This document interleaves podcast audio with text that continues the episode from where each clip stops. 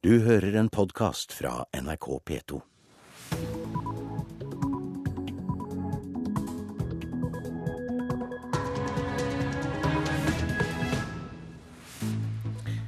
Klokka er 6.30 tirsdag 2. april. Øystein Heggen er i studio i dag, og dette er hovedsakene. Nødraketter brukes som fyrverkeri, mange falske alarmer i påsken. Vi oppsummerer redningsarbeidet med Norsk Folkehjelp. Været i Tromsdalen er fortsatt for dårlig til å søke etter de savnede scooterkjørerne. I dag får fire millioner nordmenn selvangivelsen. En ny veileder for skattefradrag lanseres av skatteetaten, og skattedirektøren forteller mer om det i studio. Det er harde tider i Europa, det merker også norske musikere og bookingbyråer, forteller pianist Tord Gustavsen. Så I alt det her så gjelder det å holde fokus på at man er glad i musikk, og at man har lyst til å spille, og at møtene med publikum er like verdifulle som de har vært. Og Så skal vi høre mer om og fra Magnus Carlsen, som i går sikret seg VM-finale i sjakk.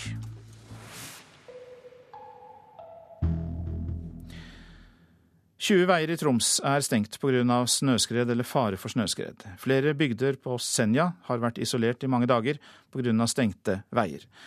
I dag er det en uke siden skredulykken i Tromsdalen på Senja. I hele påsken har det vært for dårlig vær til å gjenoppta søket etter de tre savnede scooterkjørerne. For de pårørende er det en voldsom påkjenning, sier fungerende lensmann Roger Magnussen. Så snart været tillater det, så, så, vil vi prøve å gjøre noe for å, å få dem ut. En hjelm og en scooter.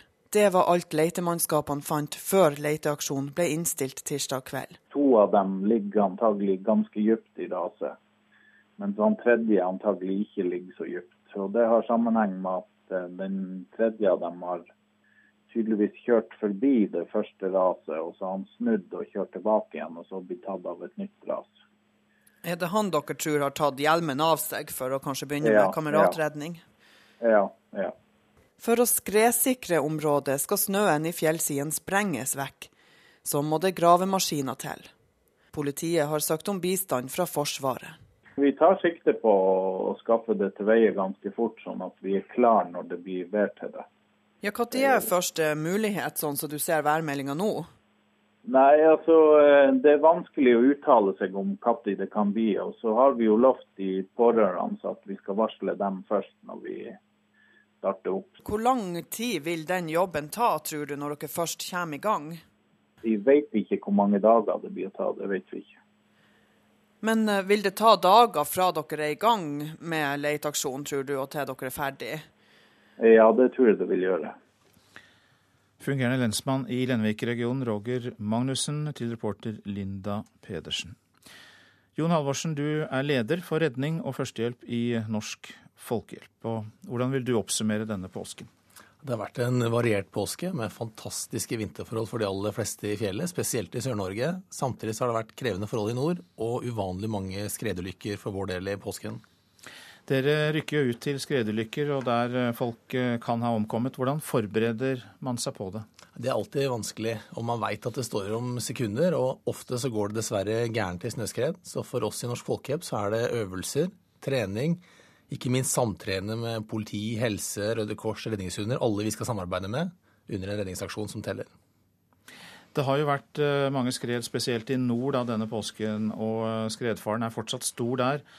Ehm, hva setter dere inn av beredskap i nettopp disse områdene, bl.a. Troms? Nei, nå, altså, I Nord-Norge er det faktisk nesten større skredfare nå enn det var når vi starta påsken. Det har vært snøskred. Vi må regne egentlig med at det kommer til å komme flere skred før vintersesongen er over. Så må vi summere opp hva vi har lært i vinter og se om vi kan styrke beredskapen. Både med ressurser, prosedyrer og hvordan vi jobber med ikke minst det forebyggende arbeidet. For vi kommer ofte for seint i redningstjenesten når folk er tatt av skred. Hva er viktig i det forebyggende arbeidet, tror du? Hva er det viktig å sette inn trøkket på der for dere? Det er nok viktig å finne de målgruppene som er viktige å nå. Nå har vi sett flere ulykker med scooterførere. Eh, de har kanskje ikke vært fokus i det forebyggende arbeidet i forhold til skred. Vi ser disse nye bratt- og ekstremskikjøremiljøene. Vi må vurdere dialogen med disse gruppene for å se kan vi få dit og søke litt mindre risiko. Og eh, du blir med oss litt eh, til, Jon Halvorsen, for eh, nå skal vi høre om noe som skaper vanskeligheter for redningsarbeidet. Hovedredningssentralen ber nemlig folk slutte å bruke nødraketter til tull og fyrverkeri. I påsken har Hovedredningssentralen i Sør-Norge brukt ressurser på 15 meldinger om nødraketter, og de fleste ble sendt opp uten grunn. Det kan gå utover folk som faktisk trenger hjelp, sier redningsleder Bjørn Jarle Åmli. Hvis vi da får andre alvorlige hendelser eh, som vi kunne ha brukt disse ressursene på, så kan det bety ytterste konsekvens at eh, det går utover noen som virkelig er i nød. Til nå i år har de undersøkt meldinger om nødraketter 38 ganger. De må ofte sende ut helikopter og båter for å finne ut om noen er i nød, men de fleste gangene er det bare tull. Vår erfaring er at eh, de gangene det skjer, så er det eh, stort sett gjort av folk som ikke er i nød. Man skyter opp for moro, gjerne når man har fest. Eller så har folk som melder inn, tatt feil av nødraketter og kinesiske lykter. Også hos den andre hovedredningssentralen her i landet, i Nord-Norge, forteller de om lignende problem. En av de som rykker ut når folk melder at de har sett nødraketter, er Knut Even Rislå. Han er skipsfører på redningsskøyta Inge Stensland i Arendal.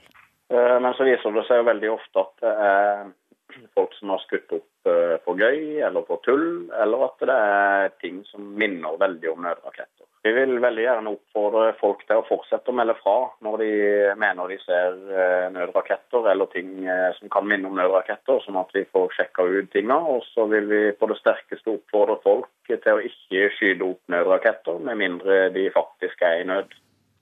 Reporter Eirin eh, Årdal. Ja, Jon Halvorsen, du er altså leder for redning og førstehjelp i Norsk Folkehjelp, er fortsatt med oss. Har du eh, også opplevd falsk alarm pga. nødraketter? Ja, vi har det. Og det blir ofte krevende aksjoner, fordi man får melding om et eh, lyssignal om å lete, og det er vanskelig å vite når man kan avslutte. Så det binder opp veldig store ressurser over tid. Og som han fra HRS var inne på, det kan føre til at man ikke har ressurser til andre redningsaksjoner som pågår i samme område. Hva er din oppfordring? Det er å være, ha nulltoleranse. Her må vi være nøye med at signaler, nødsignaler, spesielt ved sjøen, kun er nødsignaler. Og på ingen måte bruke noe som kan forveksles med nødsignal til fest og moro, eller bruke gamle raketter til å, til å skyte dem opp. Kan man gjøre noe, bortsett fra å rope ut at folk ikke må bruke nødraketter? I utide, altså. Ja. ja. Nei, det er vanskelig det der. fordi eh, man trenger forskjellige måter å gi nødsignal på sjøen. Både nødraketter og sambandsmidler. Og klart der kan det skje både feil og misbruk. Og det er vanskelig å regulere, for det må også være tilgjengelig. Men kunne man ha laget de på en annen måte? Kunne man gjort noe for å sikre at det ikke blir brukt til tull og tøys? Ofte ligger en nødrakett i en nødkoffert. Det ligger i egen emballasje. Det skal mye til eh, for at dette går galt. Så her er det folk som er eh, ja, mildt sagt uvørende.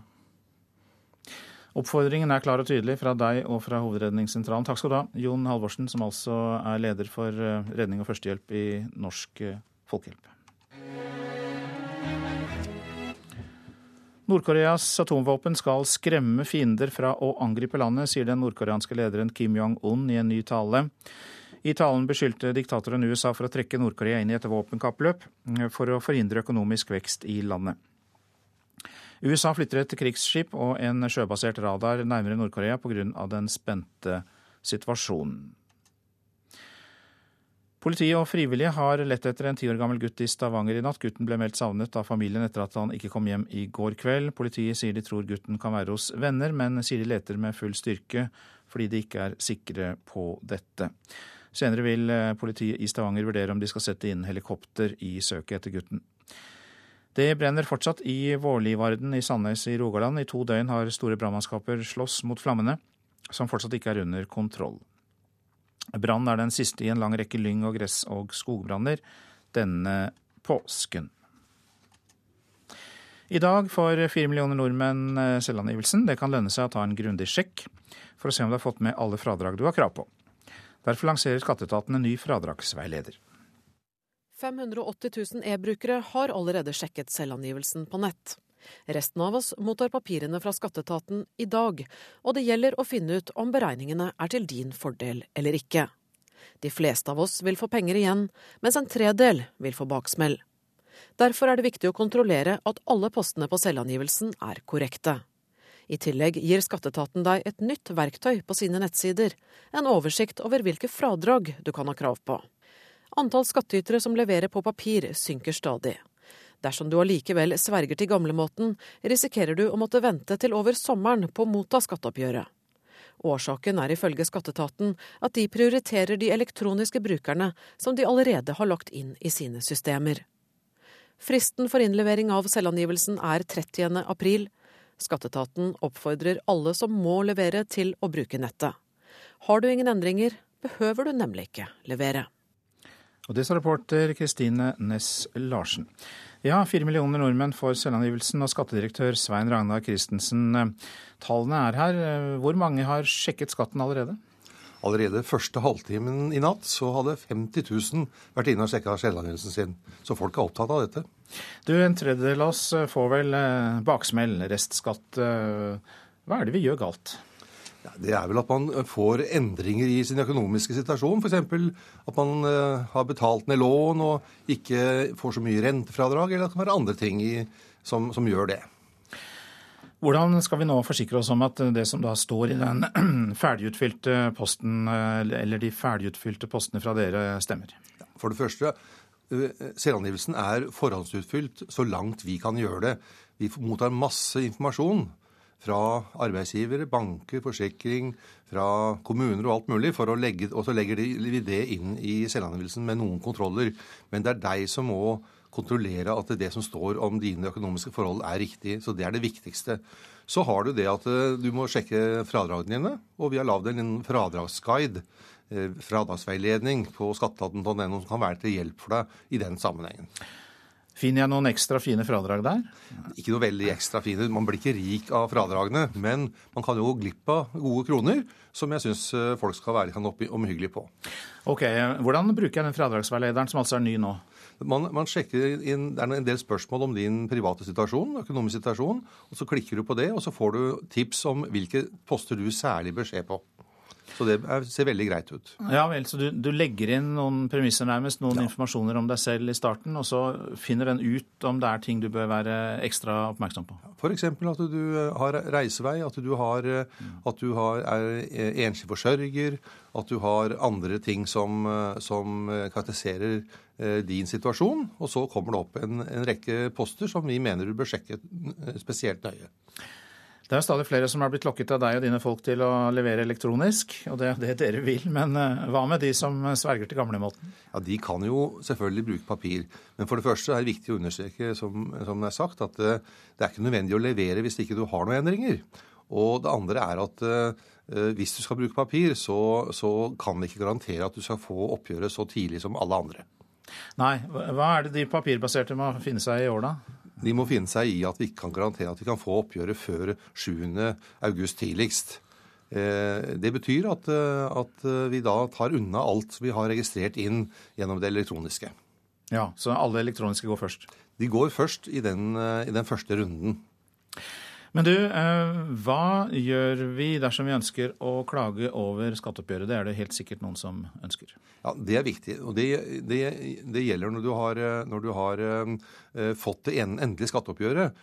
Da må du gjøre det innen tre uker. Og, og, og det er viktig å, å, å, sende da klage til skatteetaten. og Det gjør også elektronisk på skatteetaten.no. Men du, Hvis vi ser det sånn fra folk flests ståsted, hva er det mest vanlige å klage på? Det kan være så mye, det. Det, vel, det vi ser, er jo at veldig mange av klagene er egentlig rettinger man tar, tar, opp ting som man egentlig burde ha uh, skrevet inn i selvangivelsen. Og, og, Derfor så ønsker vi at skal, flest mulig skal eh, tenke godt gjennom situasjonen sin, og så, og så ta det opp når man skal sende inn selvangivelsen. Og fristen er jo 30. april, så man har god tid på det. Takk skal du ha, skattedirektør Svein Ragnar Christensen. Og i dag er altså tallene klare. Så til det avisene skriver. Magnus den gode, lyder oppslaget i VG. 22 år gamle Magnus Carlsen vant turneringen i London, som gjør han klar for kampen om VM-tittelen i sjakk. Surrogatmor for norske par døde etter fødsel, skriver Aftenposten. Den indiske kvinnen ble surrogatmor for å tjene penger til egne barn, men døde etter tvillingfødsel. Utenriksdepartementet har hjulpet til med å få barnet som overlevde, til Norge. DNB skal kutte 1500 årsverk og gir um, gylne sluttpakker, skriver Dagens Næringsliv. Ansatte mellom 62 og 63 år kan få inntil tre årslønner for å slutte. Dobling i antall tyverier på byen, skriver Bergens Tidende. Antall tyverier på offentlige steder er doblet på to år. Politiet i Bergen har satt inn sivile spanere i helgene. Slakt av konsulentrapporter er oppslaget i Dagsavisen. Rapportene bestilles med bestemte politiske mål, og analysene er ikke lenger uavhengige, advarer seniorrådgiver som jobber i et av de mange konsulentselskapene. Kims livsfarlige spill, skriver Dagbladet om Nord-Koreas leder. Flere eksperter frykter militær konfrontasjon med Sør-Korea. Her blir hyttene begravet, skriver Nordlys om skredet ved Reinen i Tromsø. Heldigvis ble ingen tatt av skredet, men eh, faren for snøskred er fortsatt stor, og det er mer snø i vente. Kontrasten er stor til Fedrelandsvennen, som skriver at bedre påske ikke er mulig å oppnå. Det var ti penværsdager på rad for eh, sørlendingene. Landbruk pirrer velgerne før valget, skriver Nasjonen. Matskandaler, toll, lavpriskjeder og kulturlandskap. Det er viktige punkter for én av tre velgere, viser undersøkelse. Store endringer i skolen dersom de borgerlige kommer til makten, skriver Klassekampen på sin forside. Høyre åpner for flere privatskoler, karakterer fra femte klasse og valgfritt sidemål. Samlivsbrudd gir samfunnet gigantregning, skriver Vårt Land. Vi må få de økonomiske konsekvensene på bordet, krever lederen i foreningen To foreldre, Roger Solid Johansen. Han vil ha nasjonalt skilsmisseregnskap. Bekymringsmeldingen i Bergensavisen er at byen tappes for kjendiser. Heldigvis sier musikeren Kurt Nilsen at han aldri vil flytte fra Bergen. Sensasjonelt god start, skriver Adresseavisen om Rosenborg. Ikke siden 1999 har Trondheimslaget levert en bedre sesongåpning.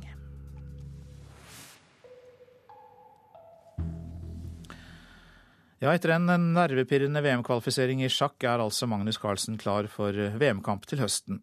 Selv med tap i siste parti klarte han å vinne kvalifiseringen. Etter gårsdagens utladning ser han fram mot finalemøtet med Vishy Anand. Ja, det blir, eh, det blir kjempegøy. Så det var jo altså, store bountyen med å være med her. Eh, så, hva skal man si? Det, det, det blir gøy, men eh, heldigvis lenge til. For gårsdagen ble lang og utmattende for Magnus Carlsen, som sier han aldri tidligere har vært med på noe så nervepirrende. Eh, nei, det har jeg ikke. Krimforfatter og sjakkspiller Hans Olav Lahlum sammenligner Carlsens prestasjoner med en verdensener i tennis. Norge har ikke vært noen sterk eh, sjakknasjon tidligere. Eh, så det for en så ung spiller fra Norge å liksom gå så å si helt til topps og være med i kampen om en VM-finale, som det jo er snakk om i sjakk, er eh, veldig stort. Hvis du skal sammenligne med noe som er kjent fra idrettens verden, så tror jeg kanskje at jeg vil sammenligne med Roger Federer i tennis, som jo da var en spiller som kom fra en fra et land med veldig få tradisjoner i den idretten, og i en idrett hvor det var veldig veldig høyt nivå internasjonalt, og gikk helt til topps og ble nummer én i verden.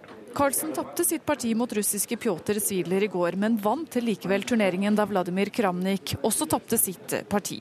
Carlsen hadde like mange poeng som Kramnik, men vant på at han hadde én seier mer enn russeren. Og derfor ble det mer spennende enn han satte pris på. I dag gikk jo alt som kunne gå galt, galt, bortsett fra at Kramnik tapte, så da vant jeg likevel. Men uh, altså, på en måte avgjørende for meg da ble jo partiet i går. At jeg greide å dra det, dra det i land. Hadde jeg ikke vunnet det, så hadde jeg ikke vunnet turneringen. Så til, ja, til slutt så er jo det eneste som betyr noe. Ja, Det sa altså Magnus Carlsen, og reporter det var Marianne Kvamme Amengual. Dette er Nyhetsmorgen, og klokka den er snart 6.49. Vi har disse hovedsakene. Ny veileder for skattefradrag lanseres på nett av skatteetaten. I dag får fire millioner nordmenn skatteoppgjøret. Nødraketter brukes som fyrverkeri, mange falske alarmer i påsken. Hovedredningssentralen advarer. Og at eh, eurokrisen også rammer norske musikere, skal vi snart få høre mer om.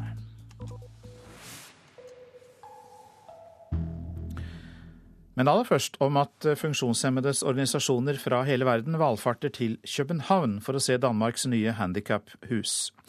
Bygget er privatfinansiert og rommer 300 ansatte fra 24 ulike organisasjoner, og blir kalt verdens mest tilgjengelige kontorbygg.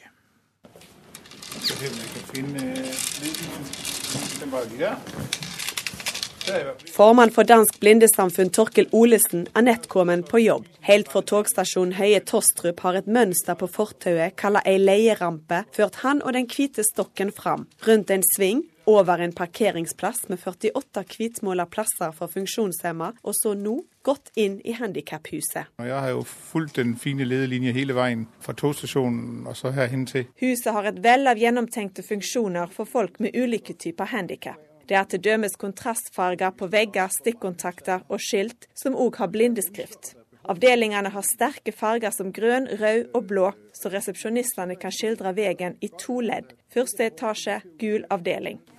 Nei. Der trappa går opp til høyre er det et nytt mønster i leierampen, så Torkil er var endringer. Og så er det en liten metallknott i gelenderet som syner at vi er i første etasje, med to i andre og tre i tredje. Bygningsherren Jesper Boesen demonstrerer. Lige her der er den flad, så det kan man merke. Nå er man på stueplanet. En, en lille skrue, faktisk. Ja, en lille skrue der, der. Og den er flad her. Nede i kjelleren der går den nedad. Og på første sal der går den oppad. Der er det én. Boesen sier arkitektene og byggherrene bak huset arbeider tett med danske handikaporganisasjoner om å lage et moderne, miljøvennlig og designmessig flott hus tilgjengelig for alle. Huset bruker bare 40% av energien til et vanlig kontorbygg, og naturlig lys spiller en stor rolle. Og Boesen er stolt av resultatet. Så Meningen er jo også at alle mulige skal komme og se hvordan de skal bygge deres kontorhus, sånn så vi ikke behøver å ha et spesielt hus å være i, men alle husene kan brukes. Og Det har vi stor suksess med med det her hus, fordi bare i den måneden vi er gått inn i nå, så tror jeg vi har 25 rundvisninger. Og det er fra hele verden. Det er et alminnelig handikaptoalett. Og jeg kan så nå vasken fra toalettet. Handikaphuset byr på hele 24 slag toalett tilpassa ulike former for funksjonshemming. I det her lille toalett, og så får de samtidig et toalett som kan hjelpe dem med å komme opp. Dessuten kan rullestolbrukere kalle på heisen uten knapper ved å kjøre inn i ei lita gummiplate nede på veggen. Ved å kjøre kjørestolen inn i denne knappen her, sånn der, så nå har jeg kalt på elevatoren, tror jeg. Og rullestolbruker Jan Jacobsen er nøyd. Jeg er enormt glad for den måten man har laget elevatorene på. De åpner i begge ender, så man liksom kører inn gjennom elevatoren. Det er sånn en lille detalj der bare gjør det utrolig mye nærmere. Samfunnet kunne jo lære mye. Plass til alle. Boesen sier de mange spennende løsningene har imponert og inspirert norske gjester. Å gjøre et bygg tilgjengelig for alle trenger ikke gjøre huset dyrt og vanskelig å bygge. Det her hus det er nok stjernen i Danmark. Reporter i København, Tove Gerhardsen. Det er harde tider i Europa, og det merkes også for norske musikere og bookingbyråer. Pianist Tord Gustavsen er glad han ikke trenger så mye penger for tiden for å ha det bra. Og støttekronene fra staten vil han ikke uten videre bruke til å fullfinansiere konsertene. Bildet er ganske komplekst, men sånn generelt så går honorarene litt ned. Og det er litt vanskeligere å få til ting, selv om det ikke var lett før heller. Men folk er like interessert i musikk. I fjor spilte Tor Gustavsen 50 konserter med kvartetten sin, men han merker at det er mer styr for å få det til. I Tyskland går honorarene ned. I Italia, Frankrike og Spania har konserter blitt avlyst på kort varsel. I tillegg er ikke CD-salget som det var, med alt det innebærer. Det er så nedgangstider der også. Det er ikke akkurat noe Klondyke-stemning. Så i alt det her så gjelder det å holde fokus på at man er glad i musikk, og at man har lyst til å spille, og at møtene med publikum er like verdifulle som de har vært. Den evnen kan komme godt med for flere norske musikere som har store deler av markedet sitt utenlands. Kjell Kalleklev er manager for over 20 norske band og artister. Også han forteller at honorarene krymper. Det er jo, Man har ikke råd til å, dra ut og spille, for det, det er jo ikke altså, Honorarene til, blir tilbudt dekker knapt reise. Så og Dermed så er det jo ingenting igjen til å lønne musikerne. Så Problemstillingen er selvfølgelig at, det, at de ikke kan dra pga. at de har ikke penger. En del norske musikere har statsstøtte, også Tor Gustavsen. Men han syns ikke det er riktig å bruke offentlige midler til å fullfinansiere sine konserter. Han velger derfor med omhu hvilke spillejobber som er verdt å ta, trass i at de kanskje ikke genererer så mye penger. Det er viktig å ha en disiplin på det, og sørge for at det er toppfinansiering, og at man bruker det også smart. da, ikke, ikke, ikke, sånn at det går inn i et sluk av ting som ikke er bærekraftig på sikt. For ham er det viktig å ha tre tanker i hodet på en gang. Empati, realisme og visjoner. Og En ting er jo empati for de i, i de landene som har det verre enn oss, eh, og realisme i forhold til hva vi kan få til og hva vi kan be om eh, eller kreve når vi gjør forhandlinger. Kombinert med visjonen og, og drivet til å, å lage musikk og lage kunst. Å ha den dobbeltheten inni hodet av jordnærhet, empati og visjon, den, det blir ikke lettere. Men, men det må man klare, ellers så må man bare slutte.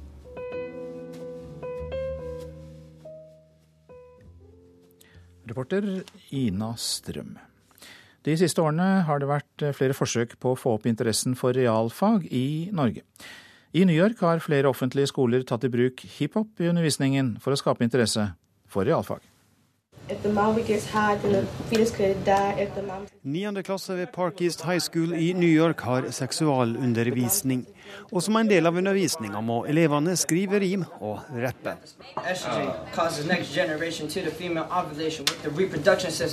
Prøveprosjektet bruker hiphop-musikk for å øke interessen for realfag ved ti offentlige skoler i New York. Prosjektet ble starta av dr. Chris Emdin fra Columbia University. Han så at mange hiphop-fans var skoleleie.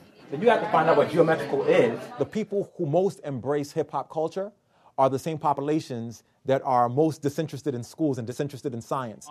MDIN ville derfor finne nye måter å engasjere minoritetselever på. Who won the covenant role based on a nationwide poll for the grim tales told on rap scrolls? Han starta derfor et samarbeid med rappartisten Jiza fra hiphopgruppa Wu-Tang Clan. Moving at colossal speeds, they crushing MC. Since this rap region is heavily packed with stars, internal mirror in the telescope, notice the guards. Sjøl om han slutta på skolen i tiende klasse, sier Jisa at han alltid har vært interessert i vitenskap, og at han nå vil dele denne interessen med flere. The goal is just to, you know, awaken the children and just make them more aware and embrace science and 14 år gamle Ryan Rivera sier hiphop har gjort han mer interessert i skolearbeidet. You're looking at the rhymes and um, something hidden in there that you find, and it's uh, it helps you learn. Turn into an embryo, we never disappear. Two months in, then we grow a couple ears, then a couple toes, then we grow some fingers in the nose. For MDN vil prosjektet være en suksess dersom de som har et dårlig forhold til vitenskap og realfag, kan få et nytt syn på faget. To me, the markers of success are the students who see themselves as scientists, who are having conversations about science. Then when it enters the cervix and the sperm start running. Reporter Espen Alnes. Så noen ord om eh, været i dag. Fjellet i Sør-Norge. I Langfjella pent vær. I resten av området spredte snøbyger først på dagen. Fra i ettermiddag skiftende bris og stort sett pent vær. Østlandet for det meste pent vær, men utpå dagen forbigående noe varierende skydekke. Telemark, Agder og Rogaland, ja i hele dette området, pent vær. Hordaland og Sogn og Fjordane. I Nordfjord enkelte sludd- eller snøbyger først på dagen, ellers pent vær. I kveld liten kuling i sør. Møre og Romsdal sludd- eller snøbyger. Fra i ettermiddag oppholdsvær og perioder med sol. Trøndelag, der blir det noen sludd- eller snøbyger. Helgeland og Saltfjellet enkelte snøbyger. I kveld mer snø. Salten, Ofoten, Lofoten og Vesterålen nordvestlig liten kuling. I kveld vestlig bris, og det blir enkelte snøbyger. Så var det Troms. Øking til nordvestlig periodevis sterk kuling utsatte steder. I ettermiddag liten kuling og snøbyger. Finnmark snøbyger vesentlig i vest, og perioder med sol kan det også bli. I ettermiddag kan hende nordvestlig stiv kuling lengst vest i Finnmark. Nordensjøland på Spitsbergen lettskyet vær. Så tar vi temperaturene. De ble målt klokka fem. Svalbard lufthavn minus 15, Kirkenes minus 11. Varde minus 3, det samme også i Alta og Tromsø-Langnes minus 3 grader. Så har vi én plussgrad i Bodø, det samme i Brønnøysund og Trondheim-Værnes. Molde pluss tro, Bergen-Flesland minus tre, Stavanger null. Kristiansand-Kjevik minus seks, Gardermoen minus fire. Lillehammer minus tre, Røros minus fire. Og Oslo-Blindern minus to. Krisen på den koreanske halvøy, det er eh, første tema vi tar fatt på etter klokka sju.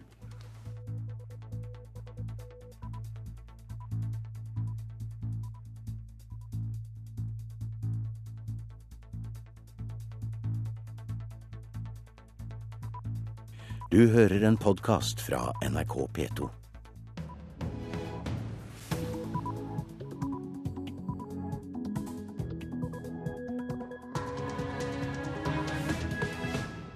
Klokka er sju, og du lytter til Nyhetsmorgen. Her er en nyhetsoppdatering. Nord-Koreas atomvåpen skal skremme fiender fra å angripe landet, sier den nordkoreanske lederen Kim Jong-un. Atomvåpnene er også en garanti for at Nord-Korea beholder sin suverenitet i tiden som kommer, blir det sagt. Kirkefondet opptrer brutalt og profittjagende, mener Arbeiderpartirepresentant. Sammen med to andre folkevalgte vil han frata fondet makt. De holder på akkurat som de vil, nærmest uten kontroll, og skalter og valter med den vanlige mann i gata. Stortingsrepresentant Sverre Myrli fra Arbeiderpartiet. Ny veileder for skattefradrag lanseres på nett av skatteetaten i dag. Fire millioner nordmenn får skatteoppgjøret i dag. Unio vil ha lønnsløft til utdanningsgruppene. Har ikke penger, svarer KS. Det som er litt annerledes enn i fjor, er at i år så har vi veldig lite penger til disposisjon. Arbeidslivsdirektør Per Christian Sundnes i eh, KS. Og 900 eh, 000 danske elever rammes når danmarkshistoriens største lockout starter i dag. Nord-Koreas atomvåpen skal skremme fiendene fra å angripe landet, sier den nordkoreanske lederen Kim Jong-un i en ny tale. USA flytter et krigsskip og en sjøbasert radar nærmere Nord-Korea pga. den spente situasjonen. Myndighetene i Sør-Korea startet dagen med et nytt krisemøte. Bakgrunnen er den siste utviklingen i nabolandet i nord. I en tale som ble offentliggjort for kort tid siden, sier den nordkoreanske lederen Kim Jong-un at atomvåpnene skal skremme fiender fra å angripe landet. Atomvåpnene er også en garanti for at Nord-Korea beholder sin suverenitet i tiden som kommer, blir det sagt. Kim Jong-un holdt talen i kommunistpartiets sentralkomité i forgårs, men innholdet blir først nå offentliggjort av landets statlige nyhetsbyrå. Kim hevder også at USA forsøker å dra Nord-Korea inn i et våpenkappløp, slik at landet ikke får råd til å utvikle økonomien på andre viktige samfunnsområder. Med denne talen fortsetter den nordkoreanske lederen krigsretorikken som har blitt hans varemerke den siste tiden. Og myndighetene i sør er bekymret. For øyeblikket ser vi ingen tegn til at Nord-Korea er i ferd med å skyte ut raketter, sier en talsmann for det sørkoreanske forsvarsdepartementet. Men USA flytter nå et krigsskip og en stor sjøbasert radar nærmere området utenfor Nord-Korea for å overvåke regimets militære aktivitet. Det viser at USA tar strømmen av trusler fra Nord-Korea svært alvorlig. I går sa den sørkoreanske presidenten at landets forsvar vil svare raskt og kraftig på provokasjoner fra nord, uten å ta politiske hensyn.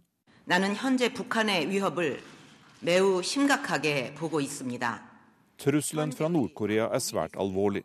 I denne sikkerhetskrisen skal de militære sørge for folkets suverenitet og sikkerhet, sier den sørkoreanske presidenten Park Geun-hye. Situasjonen på den nordkoreanske halvøya blir stadig mer spent. Reporter Jan Espen Kruse. God morgen, Sverre Lodgaard. Du er seniorforsker ved Norsk utenrikspolitisk institutt. Ja, hvor engstelig bør verden være over dette at eh, partene bare benytter retorikk og ikke snakker sammen? Nord-Korea opptrer mer truende enn noen gang, eh, samtidig som det pågår militærøvelser i, i sør. I forrige uke sendte USA eh, fly av typen B2, bombefly, til Sør-Korea for å delta i øvelsene og øve mot bakkemål. Og dette er samme typen fly som USA brukte i innledende faser i krigene mot Jugoslavia, Irak og, og Afghanistan. Og det var dagen etter at det skjedde, at Nord-Korea sa at uh, vi befinner oss i en krigstilstand. Uh, ingen av partene uh, vil, vil, ha krig, men vi er vitne til et høyt spill som kan komme ut av kontroll.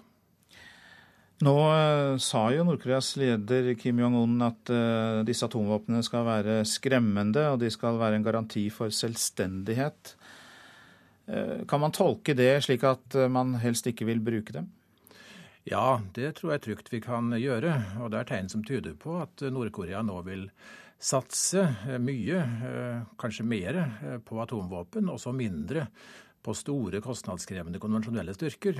For på den måten alt i alt å frigjøre Eh, midler for den sivile økonomien. Og da står altså eh, mat, landbruk og forbruksvarer eh, på toppen av prioriteringslista. Men for å få det til må den unge Kim antagelig prøve å konsolidere sin posisjon, og det gjør han bl.a. ved å vise seg som en sterk og beslutningsfør leder. Vi hørte jo at Sør-Koreas president har gått ut og lovet et kraftig og raskt militært svar på enhver nordkoreansk provokasjon. Er det klokt å være så krass i svarene fra sør? Det kan være klokere enn man eh, først får inntrykk av. For her sier Sør-Korea at eh, de lokale kommandantene eh, skal svare på provokasjoner fra nord på basis av eget skjønn, uten å gå om Seoul. Og På den måten sender man et signal til Nord-Korea om at de må være forsiktige, samtidig som regjeringa i, i Seoul står friere til å Eh, helle, på, helle, helle olje på, på vannene eh, hvis eh, ting skulle bli for farlig. Men eh, hvor klokt er det av USA å nærme seg dette farlige området med, med skip, med bombefly, med en avansert radar? Ja, Det viser jo at man ikke bøyer av. Og en del av disse eh, handlingene som du refererer til, eh, bidrar jo på sett og vis til å skjerpe krisen. For vi må huske på at i Nord-Korea har vi med et angstbitersk lederskap å gjøre. Og vi kjenner heller ikke så mye til eh, den unge Kim, eh, hvordan han reagerer i slike veldig spente situasjoner. Hvem sitter på løsningen her? FN, Korea selv, USA? Ikke FN og ikke noe enkelt land, men det er jo tre nøkkelland, da. Eh, det er USA, det er Kina og det er Nord-Korea selv. Og Kina, fordi det er vel i praksis den eneste partneren Nord-Korea har? Ja, det er det. Helt, helt, tydelig i dag. Men til gjengjeld så vokser da handelen med Kina. 200 eh, kinesiske selskaper har investert i Nord-Korea. I fjor var det 180 000 nordkoreanere som reiste til Kina legalt. De fleste for å arbeide der, men mange også for å drive forretninger. Eh, så det, det, rører på seg eh, i, i Nord-Korea. Men Kina er altså det eneste landet som gir en slik åpning for, for regimet. Og for kineserne er det stadig eh, overordentlig viktig å hindre at amerikanske styrker kommer enda nærmere Kinas grenser. Men hvilken rolle ville Kina innta dersom det ble en væpnet konfrontasjon? Da tror jeg Kina vil bruke sine stridskrefter til nettopp eh, å hindre det som jeg her nevnte. Eh, hindre at amerikanske styrker kommer dem nærmere inn på livet. Og det kan jo være en faretruende situasjon? I aller høyeste grad, hvis det kommer så langt. Men igjen, det er ingen som egentlig vil krig. Takk skal du ha, seniorforsker ved Norsk utenrikspolitisk institutt, Sverre Lodgaard.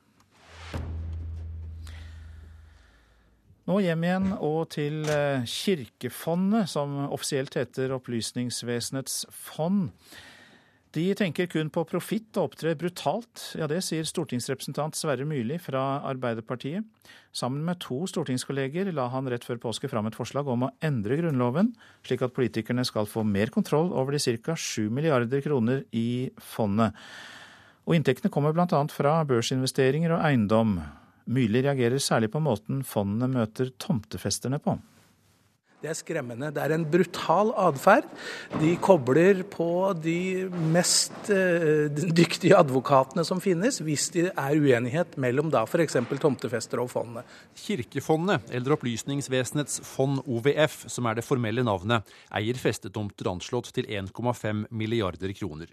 De siste årene har fondet satt opp leieprisen så mye at det har blitt rettssaker og advokatmat, bl.a. i Vestfold, Østfold og Nordland. Og så har det da et eh, tårn som har en litt sånn karakteristisk eh, løkkubbel. Kirkevergen i Vefsn i Nordland, Ernst Johan Hegdal, beskriver Dolstad kirke, som igjen renoveres denne våren.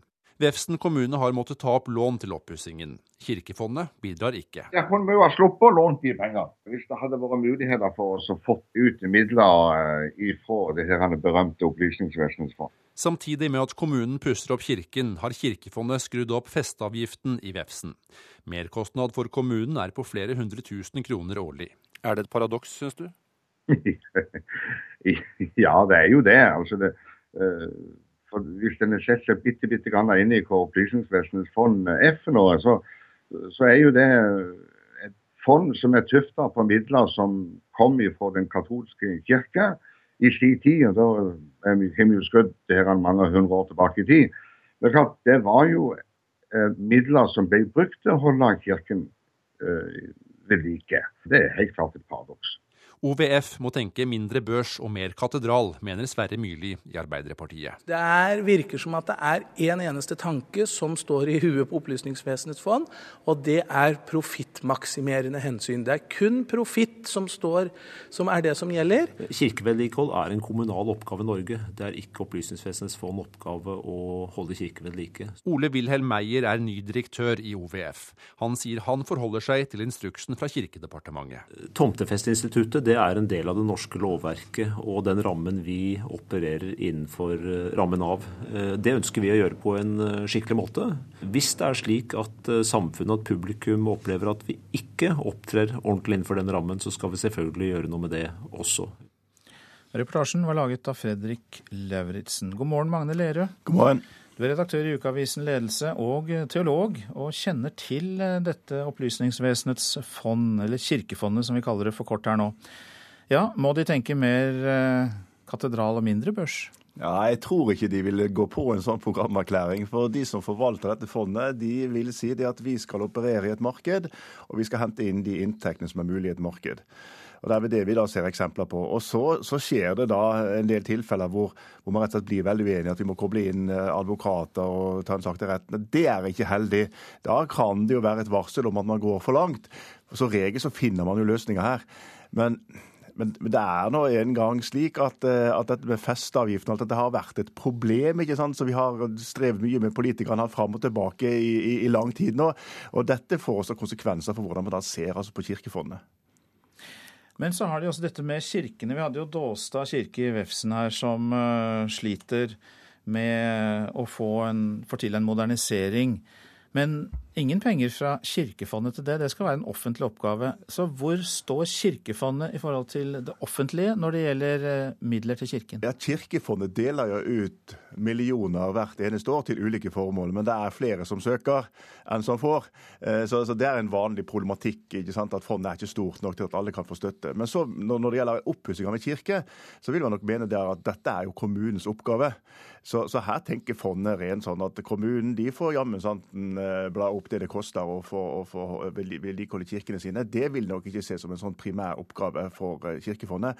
Men dette her, da berører vi på en måte en stort konfliktområde ikke sant, som har lagt her. Og, og regjeringen har jo ønsket å få større kontroll med, med dette Kirkefondet. Men det har jo tapt i Høyesterett. De tapte i, i, i, 2010.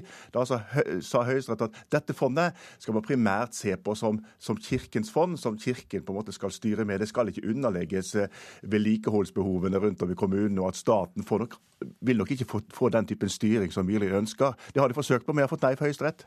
Men du, eh, da Kan det da være aktuelt med en lovendring som Myrli og hans uh, kolleger går inn for å få til? Nei, det tror jeg ikke noe på, fordi at Høyesterett har behandlet denne saken, så det blir ingen eh, lovendring. Det det bør bli, det er at vi bør få orden på, eh, på festeavgiften og få, og få, en godkjent lov som regulerer festeavgifter, slik at det er mulig å innløse disse, disse, disse, disse festekontraktene. Og Da vil det jo bli ryddigere og bedre forhold. Så Der er det bare å ønske regjeringen lykke til at vi får på plass en, feste, en, en, en tomtefestelov som kan rydde opp i noen av disse konfliktsakene som stadig dukker opp. Men samtidig så virker det jo som Myrli også ønsker at kirkene skal ha en slags rabatt fra Kirkefondet. Eh, fordi de er kirker. Eh, hvordan vurderer du det? Ja, jeg tror heller ikke det vil føre fram at, at, dette fondet skal på en måte være snillere. At de ikke de skal hente ut av markedet det som andre eh, henter ut av markedet. Det blir litt, eh, litt som om man, hvis man eier noe, ikke sant? og det er kirken som eier det, så skal man ha billigere husleie. Altså, Jeg tror ikke man går på den modellen. For dette fondet det, det, det skal opptre som andre fond. Det skal ikke være spesielt grådig, og det skal ikke komme i konflikter og stadig andre rettssaker. Da, da er man på feil kurs, og da må man justere. Men det skal være et fond fond som henter ut det som markedet sier man kan hente ut, fordi man faktisk har eiendom og har kapital. Men til syvende og sist så skal de også ha et samfunnsansvar?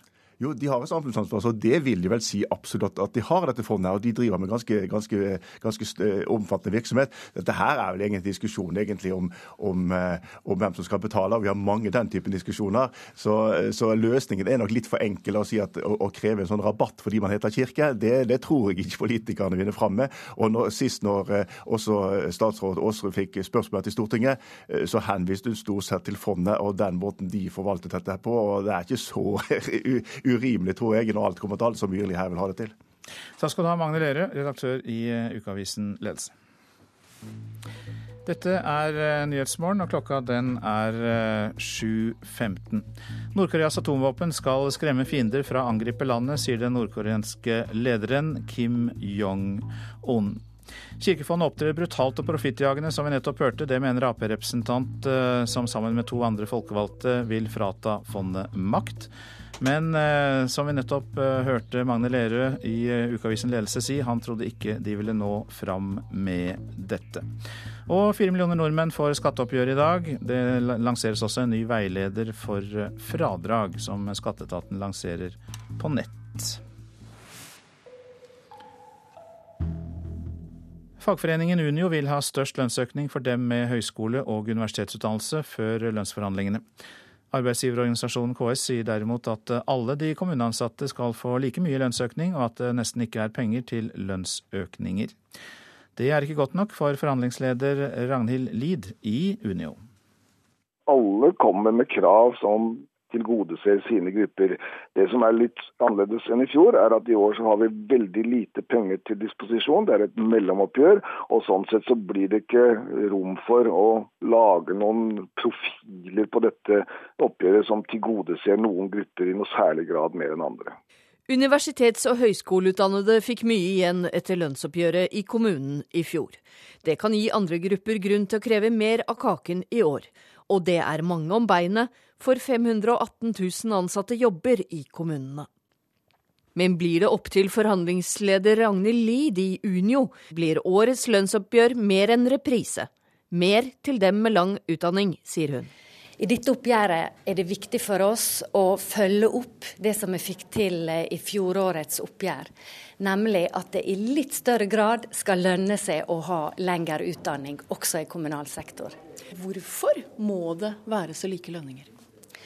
Det er jo viktig at vi klarer å rekruttere folk til offentlig sektor, og ikke minst til kommunal sektor, der vi faktisk leverer velferdstjenestene.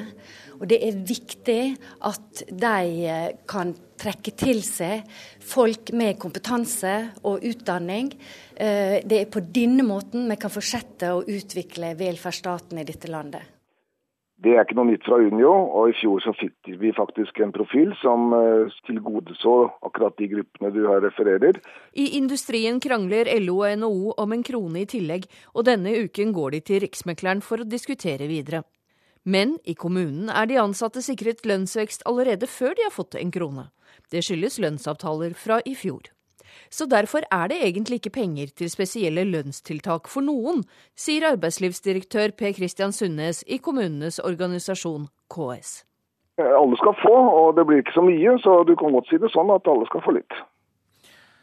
Og reporter var Hedvig Bjørgum.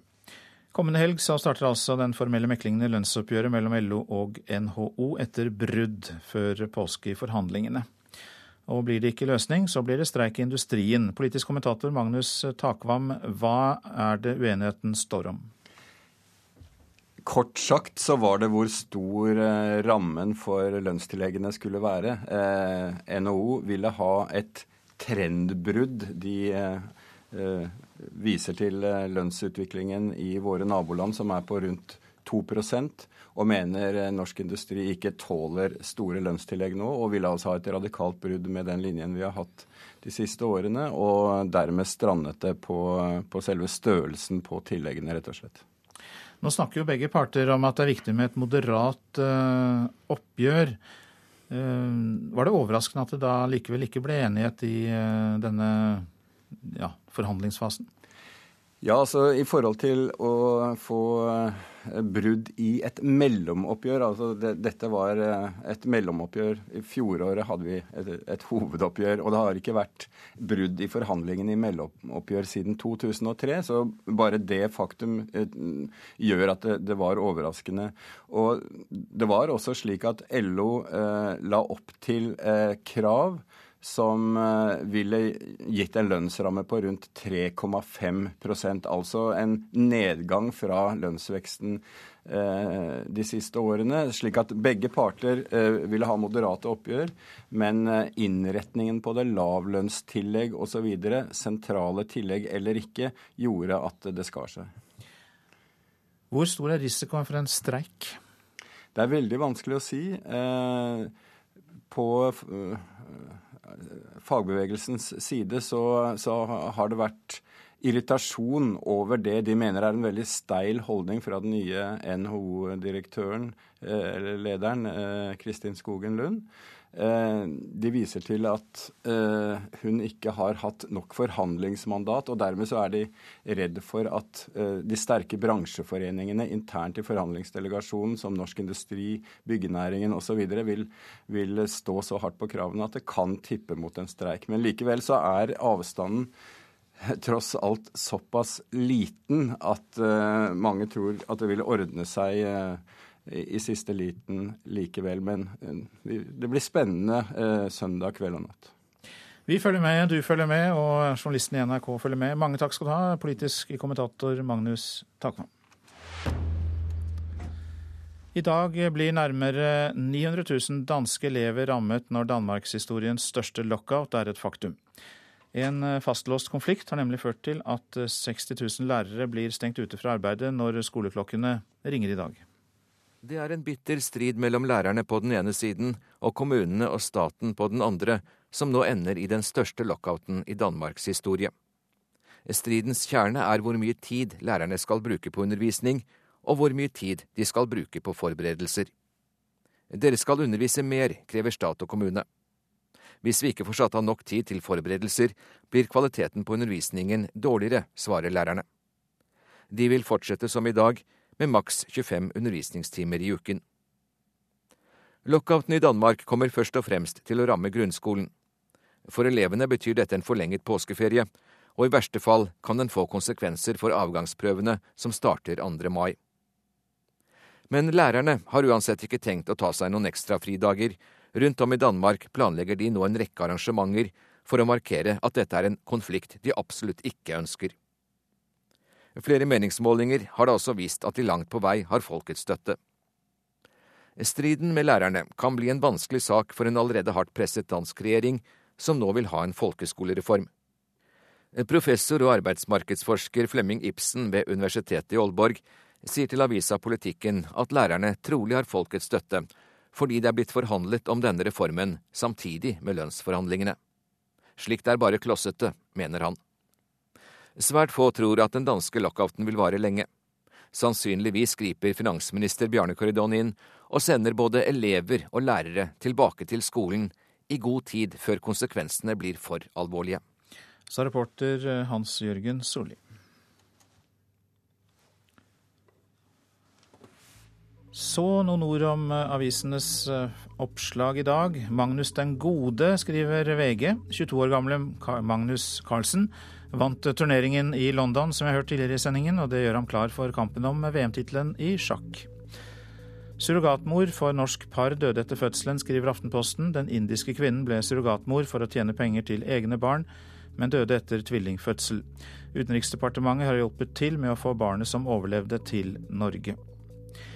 DNB skal kutte 1500 årsverk og gir gylne sluttpakker, skriver Dagens Næringsliv. Ansatte mellom 62 og 63 år kan få tre årslønner for å slutte. Dobling i antall tyverier på byen, skriver Bergens Tidende. Antall tyverier på offentlige steder er doblet på to år. Politiet i Bergen har satt inn sivile spanere i helgene. Slakt av konsulentrapporter er oppslaget i Dagsavisen. Rapportene bestilles med bestemte politiske mål, og analysene er ikke lenger uavhengige, advarer seniorrådgiver som jobber i et av de mange konsulentselskapene. Kims livsfarlige spill, skriver Dagbladet om Nord-Koreas leder. Flere eksperter frykter militær konfrontasjon med Sør-Korea. Her ble hyttene begravet, skriver Nordlys om skredet ved Reinen i Tromsø. Heldigvis ble ingen tatt av dette skredet, men faren for snøskred er fortsatt stor, og det er mer snø i vente. Og det er en kontrast til Fedrelandsvennens forside, der det står at eh, bedre påske ikke er mulig å oppnå. Det var ti penværsdager på rad for eh, sørlendingene. Landbruk pirrer velgerne før valget, skriver Nasjonen. Matskandaler, toll, lavpriskjeder og kulturlandskap er viktig for én av tre velgere, viser undersøkelse avisen har fått gjennomført. Store endringer i skolen dersom de borgerlige kommer til makten, skriver Klassekampen. Høyre åpner for flere privatskoler, karakterer fra femte klasse og valgfritt sidemål. Samlivsbrudd gir samfunnet gigantregning, skriver Vårt Land. Vi må få de økonomiske konsekvensene på bordet, sier lederen i foreningen To foreldre, Roger Solid Johansen, som krever nasjonalt skilsmisseregnskap. Bekymringsmeldingen i Bergensavisen er at byen tappes for kjendiser. Heldigvis sier musikeren Kurt Nilsen at han aldri vil flytte fra Bergen. Vi skal til eh, VM og OL-byen Rio de Janeiro, der kriminaliteten er nesten halvert de siste ti årene. Den viktigste grunnen er at myndighetene har satt inn store ressurser for å bekjempe volden før byen blir vertskap for de store idrettsfestene. Men det er også andre grunner. Arnt Stefansen har sendt oss denne reportasjen.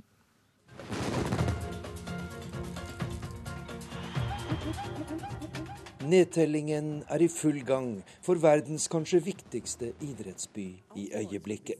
For Rio de Janeiro står de neste årene som vertskap for to av verdens største idrettsarrangementer, VM i fotball, som går av stabelen neste år, og sommer-OL i 2016.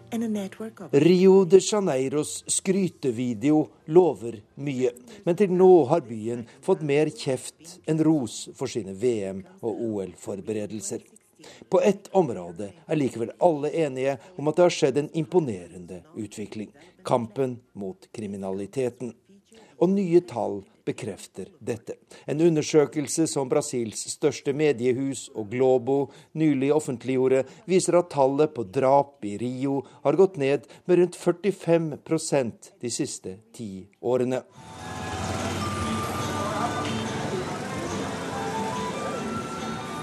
Rios og Brasils største fattigkvartal, eller favela, Rosinha. Her kan en besøkende nå bevege seg fritt uten større fare for liv og helse enn i en vanlig europeisk storby.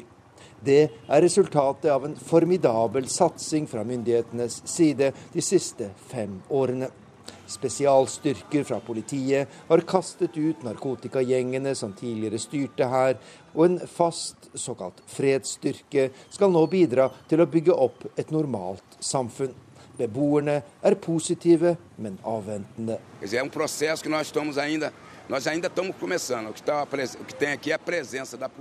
Dette er en prosess som nettopp er startet, sier Paulo dos Santos, populært kalt Amendoin.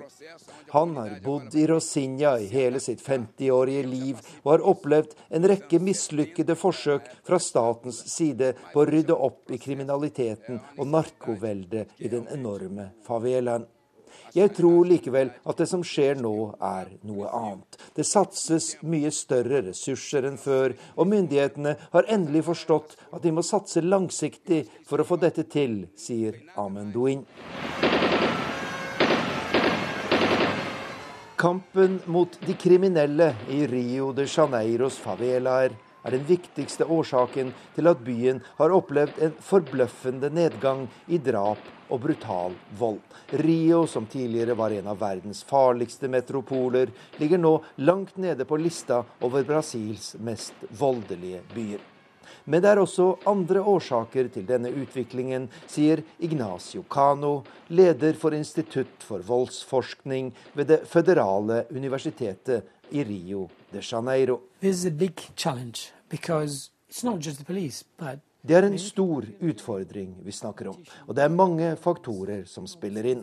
Men jeg vil spesielt nevne én. At så mange mennesker er kommet ut av fattigdommen de siste årene. I hele Brasil snakker vi om nærmere 30 millioner mennesker. Det er ingen tvil om at bedre levekår gjør det lettere for familiene å hindre at deres barn slår inn på en kriminell løpebane, sier eksperten. Du lytter til Nyhetsmorgen i NRK P2. I reportasjen etter Dagsnytt skal vi høre om hat som fører til samarbeid i Makedonia. Et Høyre uten høyrepolitikk, det er tema for debatten i Politisk kvarter. Produsent for Nyhetsmorgen, Kari Bekken Larsen. Her i studio, Øystein Heggen. Og jeg minner om at du kan laste ned podkast eller lytte til nettradio dersom du logger deg inn på nettstedet radio.nrk.no, altså radio.nrk.no. Kan være verdt å prøve.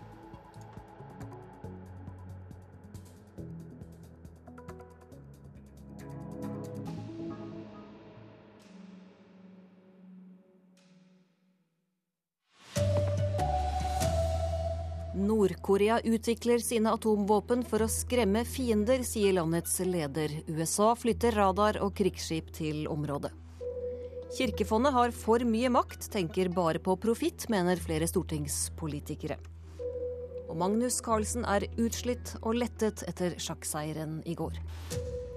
Her er NRK Dagsnytt, klokka er 7.30. Nord-Koreas atomvåpen skal skremme fiender fra å angripe landet. Det sier lederen Kim Jong-un i en ny tale. USA flytter et krigsskip og en sjøbasert radar nærmere Nord-Korea pga. den spente situasjonen. Myndighetene i Sør-Korea startet dagen med et nytt krisemøte. Bakgrunnen er den siste utviklingen i nabolandet i nord. I en tale som ble offentliggjort for kort tid siden, sier den nordkoreanske lederen Kim Jong-un at atomvåpnene skal skremme fiender fra å angripe landet. Atomvåpnene er også en garanti for at Nord-Korea beholder sin suverenitet i tiden som kommer, blir det sagt. Kim Jong-un holdt talen i kommunistpartiets sentralkomité i forgårs, men innholdet blir først nå offentliggjort av landets statlige nyhetsbyrå. Kim hevder også at USA forsøker å dra Nord-Korea inn i et våpenkappløp, slik at landet ikke får råd til å utvikle økonomien på andre viktige samfunnsområder. Med denne talen fortsetter den nordkoreanske lederen krigsretorikken som har blitt hans varemerke den siste tiden. Og myndighetene i sør er bekymret.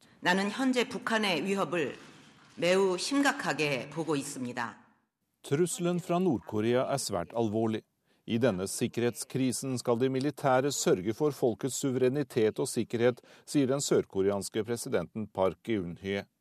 USA flytter nå enda et krigsskip og en stor sjøbasert radar nærmere området utenfor Nord-Korea for å overvåke regimets militære aktivitet. Det viser at USA tar strømmen av trusler fra Nord-Korea svært alvorlig. Fortalte utenriksmedarbeider Jan Espen Kruse. Og seniorforsker ved Norsk utenrikspolitisk institutt, Sverre Loddgaard. Nord-Korea bruker sterke ord, og USA viser muskler med bombefly og radarer. Hvor alvorlig er situasjonen? Faren ligger i uhell og misforståelser, og når spenningen er så høy, eh, så er marginene små. Hvorfor eh, kan partene ikke bare snakke sammen? All erfaring viser at det burde de gjøre, for når det ikke er samtaler og ikke er noen avtaler, så vokser problemet. Men Obama neglisjerte Nord-Korea i sin første presidentperiode. Og nordkoreanerne prøver altså å true seg til forhandlingsbordet, og det går heller ikke, for eh, det er sterk eh, motvilje mot å belønne dem eh, for det som betraktes som provoserende og uakseptabel oppførsel. Og dette er et høyt spill. Kan det komme ut av kontroll? Ja, det er jo der faren ligger. Og kommer det ut av kontroll, blir det krig, så blir det altså et blodbad ut av det. Det blir slutten også på det nordkoreanske regimet, eh, og med stor fare for konfrontasjon mellom USA og Kina. Så dette er noe alle eh, vil unngå. Men hva er det da den unge lederen Kim Jong-un vil oppnå? Ja, Kortversjonen synes å være at han skaper en situasjon som er så farlig at alle må skjønne at det ikke kan fortsette slik. Eh, det er hans spesielle måte å prøve å komme på talefot med USA på. Og så har han antagelig behov for å konsolidere seg eh, i eh, sin nye sjefsstilling. Og det gjør han bl.a. ved å vise seg som en, eh, som en sterk og beslutningsfør leder. Nord-Korea sier også at de vil stanse en atomreaktor som ble De vil starte en reaktor som ble stanset i 2007. Hva kan dette bety? Ja, Det betyr i så fall at de produserer mer plutonium, slik at atomarsenalet vokser. Og det er jo et klart signal nå. Eh, de vil satse minst like mye på atomvåpen i landets forsvar som før, men kanskje prøve å skjære ned på de store kostnadskrevende konvensjonelle styrkene, eh, for på den måten å frigjøre ressurser for den sivile økonomien. Takk skal du ha, Sverre Loddgaard ved Norsk utenrikspolitisk institutt. Kirkefondet tenker bare på profitt og opptrer brutalt. Det mener stortingsrepresentant Sverre Myrli fra Arbeiderpartiet. Sammen med to stortingskolleger la han rett før påske fram et forslag om å endre Grunnloven, slik at politikerne skal få mer kontroll over de ca. 7 milliarder kronene i fondet. Inntektene kommer bl.a. fra børsinvesteringer og eiendom. Myrli reagerer særlig på måten fondet møter tomtefesterne på. Det er skremmende. Det er en brutal atferd. De kobler på de mest uh, dyktige advokatene som finnes, hvis det er uenighet mellom da f.eks. tomtefestere og fondet. Kirkefondet, eller Opplysningsvesenets fond OVF, som er det formelle navnet, eier festetomter anslått til 1,5 milliarder kroner. De siste årene har fondet satt opp leieprisen så mye at det har blitt rettssaker og advokatmat, bl.a. i Vestfold, Østfold og Nordland. Og så har det da et eh, tårn som har en litt sånn karakteristisk eh, løkkubbel. Kirkevergen i Vefsn i Nordland, Ernst Johan Hegdal, beskriver Dolstad kirke, som igjen renoveres denne våren. Vefsn kommune har måttet ta opp lån til oppussingen. Kirkefondet bidrar ikke. Ja, kunne må jo ha sluppet å låne de pengene. Hvis det hadde vært muligheter for oss å få ut midler ifra det her berømte Opplysningsvesenets fond. Samtidig med at kommunen pusser opp kirken, har Kirkefondet skrudd opp festeavgiften i Vefsn. Merkostnad for kommunen er på flere hundre tusen kroner årlig. OVF må tenke mindre børs og mer katedral, mener Sverre Myrli i Arbeiderpartiet. Det er kun profitt som står, som er det som gjelder. Kirkevedlikehold er en kommunal oppgave i Norge. Ole Wilhelm Meyer er ny direktør i OVF. Han sier han forholder seg til instruksen fra Kirkedepartementet. Tomtefestinstituttet det er en del av det norske lovverket og den rammen vi opererer innenfor eh, rammen av. Eh, det ønsker vi å gjøre på en eh, skikkelig måte. Hvis det er slik at samfunnet, at publikum opplever at vi ikke opptrer ordentlig innenfor den rammen, så skal vi selvfølgelig gjøre noe med det også. Reporter Fredrik Lauritzen. Politi og letemannskaper har søkt i hele natt etter en ti år gammel gutt som forsvant fra Kvernevik i Stavanger i går ettermiddag. Gutten ble meldt savnet ved 23-tiden. Allerede en halv time etter midnatt hadde 50 000 nordmenn sjekket selvangivelsen i dag eh, har nesten fire millioner muligheten til å se om de fikk igjen penger på skatten, eller om det ble baksmell. Skattedirektør Svein Ragnar Christensen oppfordrer alle til å gå nøye gjennom selvangivelsen. Du må sjekke fradragene dine, og vi har lagd en fradragsguide, eh, fradragsveiledning på skatteetaten.no som kan være til hjelp for deg i den sammenhengen. Finner jeg noen ekstra fine fradrag der? Ikke noe veldig ekstra fine. Man blir ikke rik av fradragene, men man kan jo gå glipp av gode kroner, som jeg syns eh, folk skal være kan omhyggelige på. Intervjuer var Øystein Heggen. Hovedredningssentralene ber folk slutte å sende opp nødraketter på tull. I påsken har redningssentralen i Sør-Norge brukt tid på 15 meldinger om nødraketter, der nesten ingen var i nød. Og dette kan gå utover folk som faktisk trenger hjelp, det sier redningsleder Bjørn Jarle Omlid. Hvis vi da får andre alvorlige hendelser eh, som vi kunne ha brukt disse ressursene på, så kan det bety ytterste konsekvens at eh, det går utover noen som virkelig er i nød. Til nå i år har de undersøkt meldinger om nødraketter 38 ganger. De må ofte sende ut helikopter og båter for å finne ut om noen er i nød, men de fleste gangene er det bare tull. Vår erfaring er at eh, de gangene det skjer, så er det eh, stort sett eh, gjort av folk som ikke er i nød. Man skyter opp for moro, gjerne når man har fest. Reporter her var Eirin Årdal. Sjakk-Norge jubler etter at Magnus Carlsen er klar for VM-kamp til høsten.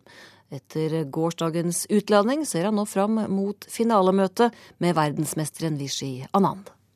Ja, det blir, eh, det blir kjempegøy. Så det var jo altså, store bountyen med å være med her. Eh, så, hva skal man si? Det, det, det blir gøy, men eh, heldigvis lenge til.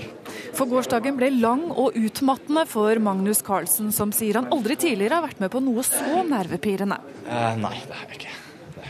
Carlsen tapte sitt parti mot russiske Pjotr Svidler i går, men vant likevel turneringen da Vladimir Kramnik også tapte sitt parti. Carlsen hadde like mange poeng som Kramnik, men vant på at han hadde én seier mer enn russeren.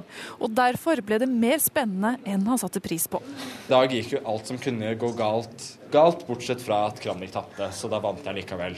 Men uh, altså, på en måte avgjørende for meg da ble jo partiet i går, at jeg greide å dra det, i land. Hadde jeg ikke vunnet det, så hadde jeg ikke vunnet turneringen. Så til, ja, til slutt så er jo det eneste som betyr noe. Det sa altså en sliten Magnus Carlsen i går kveld. Reporter her var Marianne Kvamme Amengual. Ansvarlig for sendingen har vært Bjørn Christian Jacobsen, teknisk ansvarlig Hanne Lunås og her i studio Anne Skårseth.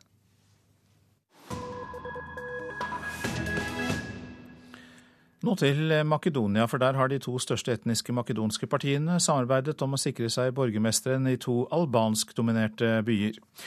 De to partiene hater hverandre som pesten, men så hater de albanerne mer.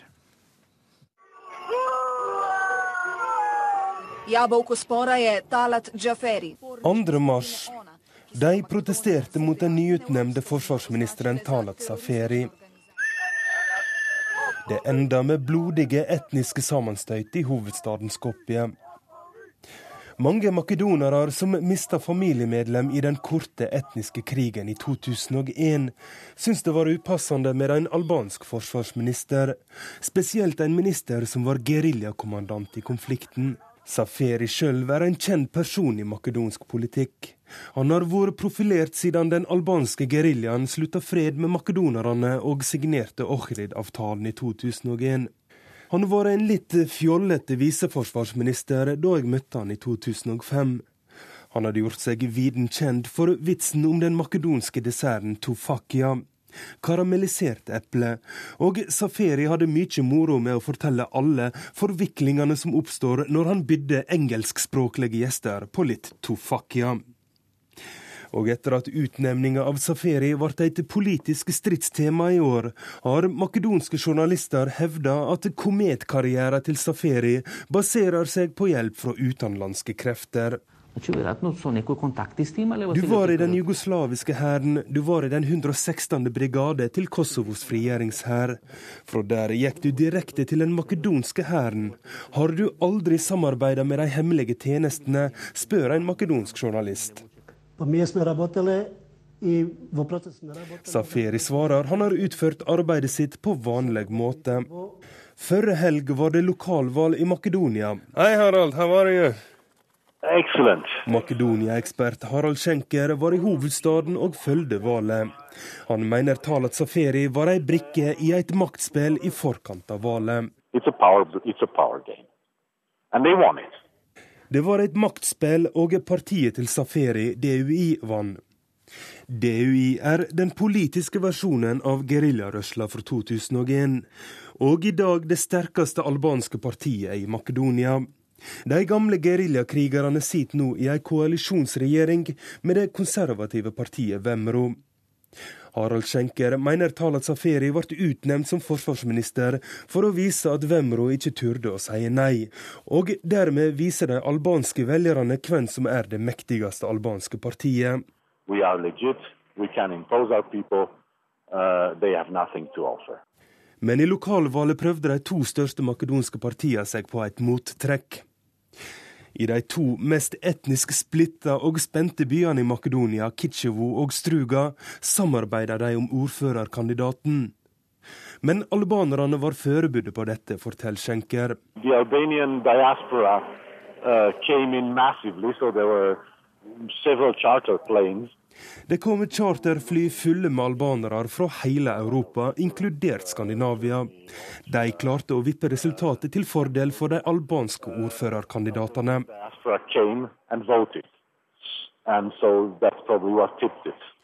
Men Schenker mener at denne uheldige alliansen mellom de to makedonske partiene viser hvor langt det er igjen før den etniske stridsøksa er begravd i Makedonia parties who are, who are enemies to the bone, like VMRO and, and SDSM, Her har vi erkefiender som danner en etnisk koalisjon for å hindre at albanere tar over kommunen.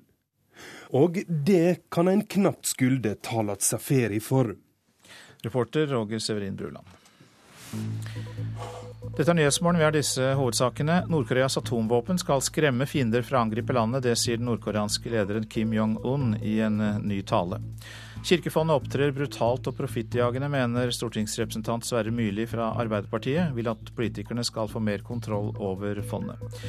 Og nødraketter brukes som fyrverkeri. Mange falske alarmer i påsken. Høyre er ikke Høyre nok, lyder kritikken i Politisk kvarter, Sigrid Solund. Høyre vil ha makt, men aner ikke hva de vil bruke den til, og lover i stedet mer til alle, mener journalist Jon Hustad. Og hva skjer med den norske samfunnsdebatten hvis politikere bevisst misforstår hverandre for å kunne angripe motstanderen?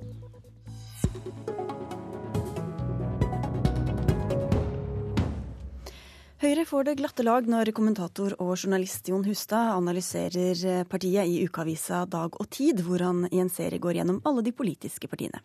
Jon Hustad, diagnosen din for Høyre kom rett før påske. Hvordan lød den? Jeg ga dem vel en treer på troverdighet, og så ga jeg dem en uh, toer på debattskapende.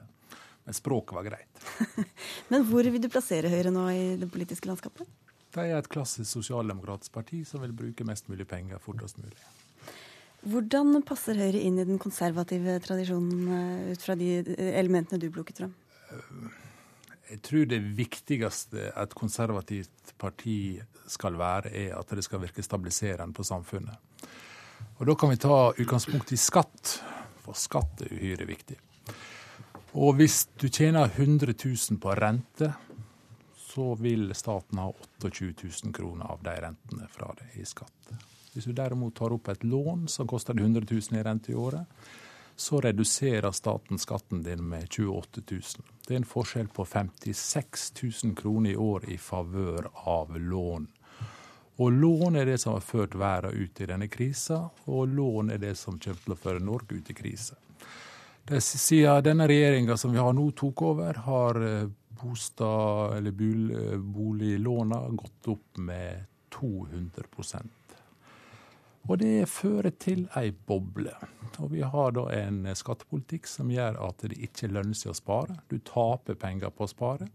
Derimot så lønner det seg ekstremt å låne. Og Det er jo trist at et konservativt parti forfekter en slik politikk. For dette er ikke konservativt, dette er spekulativt. Nestleder i Høyre, Jan Tore Sanner, her var det litt forskjellige ting. For å ta det første først, hvor godt syns du Hustad treffer eh, i eh, diagnosen sin av Høyre som et sosialdemokratisk parti? Jeg syns jo det er eh, grunn til å gi Hustad honnør for at han bruker tid på å gå gjennom alle partiprogrammene så grundig som han har gjort. Eh, så syns jeg det er interessant at Hustad angriper Høyre fra Høyre. Jeg er jo vant til å sitte i dette studio og bli angrepet fra, fra venstre, fra venstresiden som eh, hevder at Høyre ligger altfor langt mot, mot Høyre, med store skattelettelser og mye privatisering. Eh, når Hustad da mener at vi ligger for langt mot, mot, sentrum, så forteller det vel meg at Høyre ligger der Høyre skal ligge, som et moderat parti i sentrum på ikke-sosialistisk side. Men til dette med skatt, da. At Høyre ikke vil gjøre noe med den eh, boligbobla og det skattesystemet som nører opp under den? Jeg syns kanskje den mest interessante delen av hans analyse går på at i vårt samfunn så eh, belønner vi forbruk, og vi straffer sparing. Det har han helt eh, rett i. Eh, og, det er også riktig at putter du pengene i banken og er i formuesskatteposisjon, så betaler du mer i skatt enn det du får i renteinntekter. Og det er faktisk den viktigste grunnen til at Høyre foreslår å trappe ned formuesskatten. OECD har påpekt at vi har en beskatning av rente av eh, bankinnskudd og også investeringer i aksjer på 113% Og Det betyr at har du penger i banken og er i formuesskatteposisjon, så blir pengene mindre verdt. Og Det er nettopp det vi ønsker å gjøre noe med. Eh, OECD har påpekt at det er formuesskatten som er det største, største problemet, og derfor ønsker vi å trappe den ned. Men det vi ikke gjør, Det er det andre Hustad foreslår, nemlig å fjerne rentefradraget. Og Hvis du fjerner rentefradraget, så vil det i praksis bety at generasjonen som Hustad og jeg tilhører, at vi trekker opp stigen etter oss eh, og lar eh, de nyetablerte i, i stikken. Rentefradraget fungerer som en omfordeling fra eh, de veletablerte til de nyetablerte, og det er grunnen til at vi ønsker å opprettholde det. Men det må bli mer lønnsomt å spare. Vi må belønne sparing og investering, og det er et av hovedpunktene også i Høyres program. Dette er ikke sant i det hele tatt. Eh, de som har en fordel av rentefradraget, er slik som meg. Jeg sitter på et hus som er verdt 10 millioner, jeg har et lån på 5 millioner. Med rentefradrag og leie ut halve kjelleren, så bor jeg ikke bare gratis i min egen bolig. Jeg får faktisk betalt fra staten, for jeg betaler jo ikke skatt på leieinntektene. Og dette er et system som gjør at det blir pumpa mer og mer og mer penger inn i boligmarkedet. Og når du pumper mer penger inn i et marked som er begrensa, så går prisene opp. Med et rentefradrag, uten et rentefradrag, så vil prisene på norske boliger gå ned, og det vil bli billigere for unge å kjøpe. I tillegg så kan unge spare penger. Og hvordan skal de spare penger? Jo, gjennom banksparing. Og selv om Høyre fjerner formuesskatten, så vil inflasjonen og kapitalskatten fjerne enhver gevinst fra å spare. Hvorfor går ikke Høyre inn for skatte, skattefri banksparing? Kan ikke folk få spare 100 000 i år uten at Høyre vil ta 28 Så, så det monner ikke det Sanner eh, snakker om her, da, mener du? Nei, selvsagt de gjør ikke det. De vil omfordele Hva, det, hva har han sagt? 25 milliarder, nestlederen? 25 milliarder i løpet av en fireårsperiode. Jeg tipper at skatteinngangen i Norge om fire år vil være ja, 1700 milliarder kroner. Og Høyre vil redusere dette skattetrykket med 25 milliarder. Ja, Spør du venstresiden, så er det altfor mye. Jeg tror faktisk det betyr eh, ganske mye. Eh, vi har et offensivt program som innebærer at vi skal trappe ned formuesskatten. Vi skal fjerne arveavgiften, og vi skal også senke skatten på de lave og vanlige lønnsinntektene. Men så skal jeg gi eh, Hustad også rett i et annet punkt i artikkelen, nemlig at Høyre er ikke bare opptatt av skatt.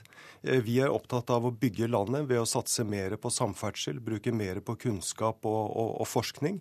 Det er ikke slik som Hustad skriver i sin artikkel at Høyre er et parti for, eh, for bedriftsøkonomer.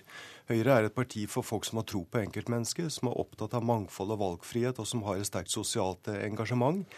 Vi har et helhetlig program, og det handler selvsagt ikke bare om skatt. Skatt er et viktig virkemiddel for å gjøre det mer lønnsomt å jobbe og mer lønnsomt å spare. Men vårt program skal ha en mye bredere innfallsvinkel Hvilket Høyre er det du savner fra f.eks. ti år tilbake? Ja, eller 20 år eller 30 år tilbake. Vi kan ta et konkret eksempel. Da Gerhardsen var statsminister, så tok staten, det offentlige, ca. 25% av verdiskapninga på Fastlands-Norge. Nå tar staten, eller det offentlige, 58% jeg tror ikke Gerhardsen blir betrakta som vondskapens første fordi vi hadde så mye mindre stat under han enn det Høyre nå forfekter. Hvis Høyre vil ha mer satsing på samferdsel, så må de omfordele. Og det eneste plassen vi kan ta særlig fra, er trygdebudsjettet. Trygdebudsjettet er omtrent 1 milliard kroner per dag. I løpet av en måned så bruker Nav opp dobbelt så mye som er bevilga til vei her til lands. Hvorfor tror du ikke at Høyre er tøffere på kutt og Jeg lurer litt på det, fordi Sanner er helt sikker på at godt og klokt menneske og gikk inn i politikken for han vil endre noe. Men så oppdager han jo at vi har en befolkning der 600 000 er på trygd i arbeidsfør alder. er 800 000 ansatte i offentlig sektor. Og Da legger vi sammen de to tallene og får 1,5 million velgere. Vil vi kanskje ikke skremme dem, da? Politikken den skal svare på dagens og morgendagens utfordringer. Eh, og Da kan man ikke alltid se 10-20-30 år tilbake og tro at eh, et standpunkt man hadde den gang, skal svare på dagens utfordringer. Men Er Høyre blitt mykere og snillere og reddere for kutt med årene? Eh, jeg vil ikke si det på den måten, men jeg vil si at vi har brukt de siste åtte årene på å bredde Høyre skape mer politikk og bedre løsninger for å få ned helsekøene, for å få flere fra trygd til, til, arbeid. Og jeg tror nok at mange Høyre-velgere føler at eh, Høyre er mer i pakt med sine verdier i dag enn det bildet vi kanskje var med på å skape selv for 10-15 eh, år siden. Og det er jo nettopp det jeg var inne på i sted, at, at Høyre er et parti som har tro på enkeltmennesket eh, og et parti som har tro på enkeltmennesket, er opptatt av å få flere fra trygd til arbeid. Vi er opptatt av en skole som løfter de svakeste, at alle lærer seg å lese, skrive og regne skikkelig. Hvis du skal skape et samfunn med Jo, men hør nå her, Hustad. Hvis du skal skape et samfunn med muligheter for alle, så må du ta utgangspunkt i enkeltmennesket. Da kan du ikke bare snakke om, om skattelettelser, slik du etterlyser i, i din artikkel. Og Venstresiden mener at Høyre beveger seg til høyre, særlig når det gjelder privatisering i diverse sektorer. Hvorfor er akkurat disse sakene du nevner så viktige akkurat for definisjonen av Høyre? Fordi det aller viktigste et parti kan gjøre, er å skape en økonomi som er stabil og bærekraftig. Når den nåværende regjeringa har fordobla pengebruken uten at Høyre nesten protesterer mot det i hele tatt, så kan en begynne å lure på hva er det de holder på med. Og Når du leser programmet deres, så får en slags inntrykk av at det, det skal være en til og med litt snillere versjon enn Arbeiderpartiet. Altså. De går inn for penger til økologisk men, men, men, landbruk. Da, da, da, de går inn for tettere hus. Da, da, tror jeg du må lese, lese, det en gang til. fordi at det vi er tydelige på, det er jo nettopp at vi skal investere i kunnskap, investere i infrastruktur, slik at vi kan skape vekst og et bærekraftig samfunn. Det er det vi ønsker å prioritere. Vise mer handlekraft i prioriteringene av de offentlige midlene. Det ble vi. Takk skal dere ha, Jon Hustad og Jan Tore Sanner. Jeg ser du har det på tungen, men det får bli en annen gang.